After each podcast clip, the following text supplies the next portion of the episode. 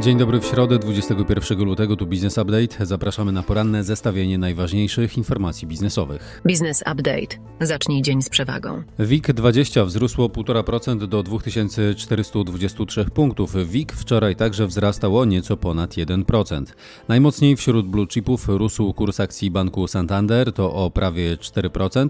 Jest to kolejny dzień mocnych wzrostów WIG Bank i tym razem o ponad 2,5%. We wtorek kolejny dzień umacniał się złoty. Za dolara trzeba było zapłacić 3 zł 99 groszy, a euro potaniało do 4 zł 31 groszy. Ropa taniała o około 1% do 77 dolarów za baryłkę WTI. Gospodarka i makroekonomia. Rząd planuje wprowadzić fundamentalną reformę podatkową w tym roku po przeprowadzeniu konsultacji z przedsiębiorcami i związkami zawodowymi, poinformowało Ministerstwo Finansów. Zapowiadana jest także chęć zmniejszenia dziury VAT-owskiej. Resort mówi przy tym, że przyjęcie euro to nie sprawa na teraz. Najpierw bowiem trzeba spełnić kryteria. Dodaje też, że dominująca część wydatków publicznych będzie w ramach budżetu państwa, ale Polski Fundusz Rozwoju pozostanie. Wskazuje również, że będzie procedura nad nadmiernego deficytu, ale bez radykalnych konsekwencji i że nie planuje przeprowadzania nowelizacji ustawy budżetowej. Teraz dane GUS. Produkcja przemysłowa w styczniu wzrosła o 1,6%. Produkcja przemysłowa wzrosła rok do roku w tym czasie w 16 z 34 działów przemysłu. Ceny produkcji przemysłowej spadły z kolei rok do roku o 9%, a wynagrodzenie w sektorze przedsiębiorstw wzrosło o prawie 13%. Ukraińskie sieci handlowe wysłały maile do polskich przetwórców mleka, wskazując na ryzyko administracyjnego zamknięcia dostępu do rynku e, dla polskich producentów mleczarskich. E, Polska Izba Mleka i Związek Przedsiębiorców Mlecznych Ukrainy skierowały wspólne oświadczenia do ministrów rolnictwa obu krajów, wyrażając zaniepokojenie sytuacją i deklarując poparcie dla rozpoczęcia negocjacji w celu rozwiązania tego problemu. Poseł Platformy Obywatelskiej Wojciech Saługa zapowiedział, że nie ma projektu polskiego samochodu elektrycznego i nigdy go nie było. Zdaniem posła projekt Izera był tylko częścią kampanii wyborczej PiS, a jedyne co w związku z tym się wydarzyło to wycięty las oraz założona spółka, która wydała pół miliarda złotych. Tu cytat, nie wiadomo na co. Planowany jest audyt, kontrola wydatków oraz zagospodarowanie terenu wycinki. Jedną z opcji jest tam budowa chińskiej fabryki aut, a przypomnijmy, że we wczorajszym wydaniu Business Update mówiliśmy o tym, że jedna z chińskich firm samochodowych apelowała do premiera polskiego rządu o kontynuowanie projektu Izera. Minister Klimatu i Środowiska Paulina Henning-Kloska zapewniła, że w najbliższych tygodniach zostaną uruchomione nowe programy związane z transformacją energetyczną, na które rząd planuje przeznaczyć 7 miliardów złotych. Austria rozbudowuje lotnisko w Wiedniu, mając na celu utworzenie największego hubu przesiadkowego w Europie Środkowo-Wschodniej. Koszt tej inwestycji to 420 milionów euro, a planowane jest zwiększenie przepustowości o ponad 30% do 2027 roku. 20 firm Big Tech, w tym Amazon, Google i Microsoft, podpisały pakt przeciwko oszustwom związanym z wykorzystaniem AI przy wyborach prezydenckich w USA w tym roku. Pakt skupia się na działaniach eliminujących szkodliwe treści dotyczące polityków. Według przecieków New York Times administracja Joe Bidena zamierza złagodzić przepisy dotyczące emisji spalin z pojazdów elektrycznych. Informacje biznesowe. Nowy szef Grupy Azoty ogłosił, że celem grupy w najbliższym e, czasie będzie opracowanie długoterminowego planu restrukturyzacji, który opierać ma się przede wszystkim o dialog z instytucjami finansowymi oraz konsolidację spółek w grupie kapitałowej. Prezesem Grupy Azoty jest obecnie Krzysztof Kołodziejczak, będzie pełnił tę rolę do momentu powołania nowego prezesa z konkursu. Firma technologiczna Aptiv Services Poland w Krakowie dokonała masowych zwolnień, które objęły około 200 osób.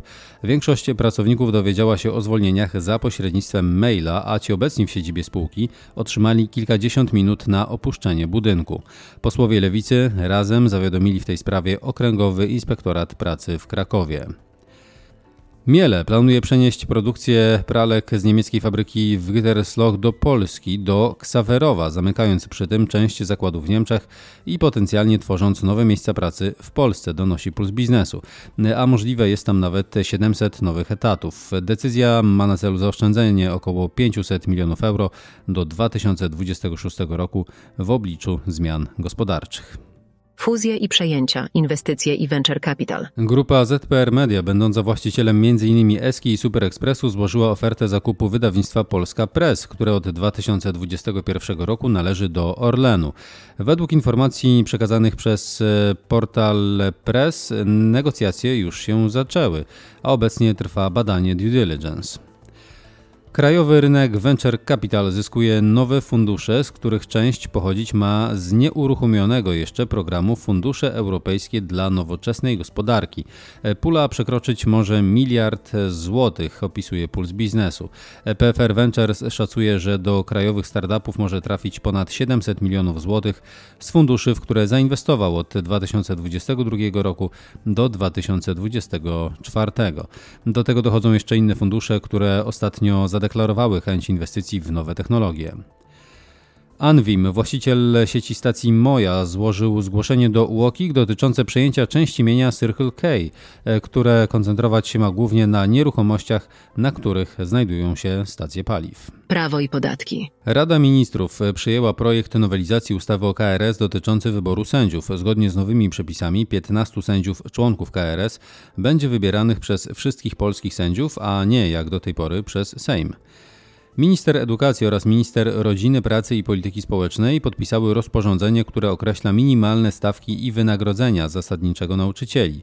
Wynagrodzenie nauczycieli początkujących wzrośnie o 33%, a nauczycieli mianowanych i dyplomowanych o 30%. Ministerstwo Kultury i Dziedzictwa Narodowego przedstawiło projekt nowelizacji ustawy o prawie autorskim i prawach pokrewnych. Projekt ma na celu m.in. wdrożenie unijnej dyrektywy o prawie autorskim i prawach pokrewnych na jednolitym rynku cyfrowym. Resort wybrał jednak najbardziej zachowawczą drogę i zdecydował się nie obciążać dodatkowymi kosztami serwisów streamingowych. Minister Rozwoju i Technologii nie uwzględnił apeli deweloperów i nie opóźni wejścia w życie nowych warunków technicznych, którym podlegać będą budynki i ich usytuowanie.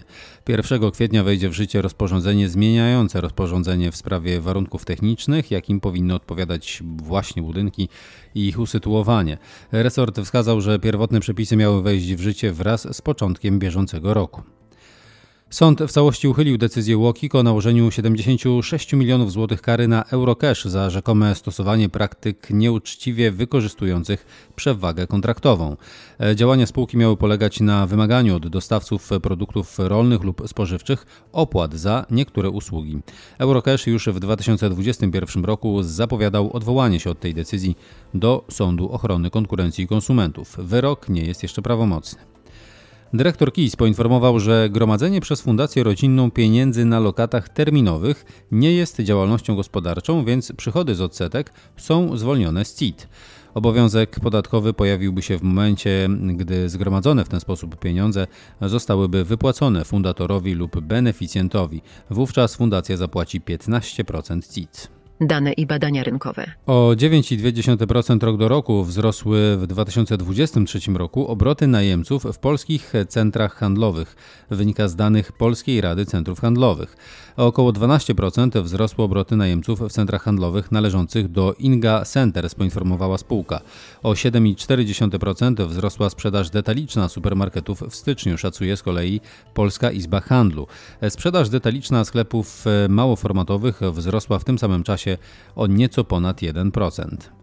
20% polskich firm z sektora MŚP nie korzysta z żadnych narzędzi IT, wynika z raportu BGK. W początkowej fazie transformacji cyfrowej znajduje się 57% badanych małych i średnich przedsiębiorstw. 25% ankietowanych przedsiębiorstw planuje w tym roku zakup samochodu, wynika z badania przeprowadzonego na zlecenie Volkswagen Financial Services. Niemal co drugi Polak, 46% ogółu badanych, nie wie, czym jest phishing. 17% nie wie, że padło ofiarą internetowego oszustwa, wynika z raportów firmy SMS API. W 2023 roku e, więcej było przeprowadzek do Polski niż wyprowadzek z kraju. Wynika z raportu serwisu transportowego Click Trans. To tyle w tym wydaniu podcastu Business Update. Więcej informacji w naszej prasówce. Można się na nią zapisać na businessupdate.pl. Dziękujemy. Do usłyszenia.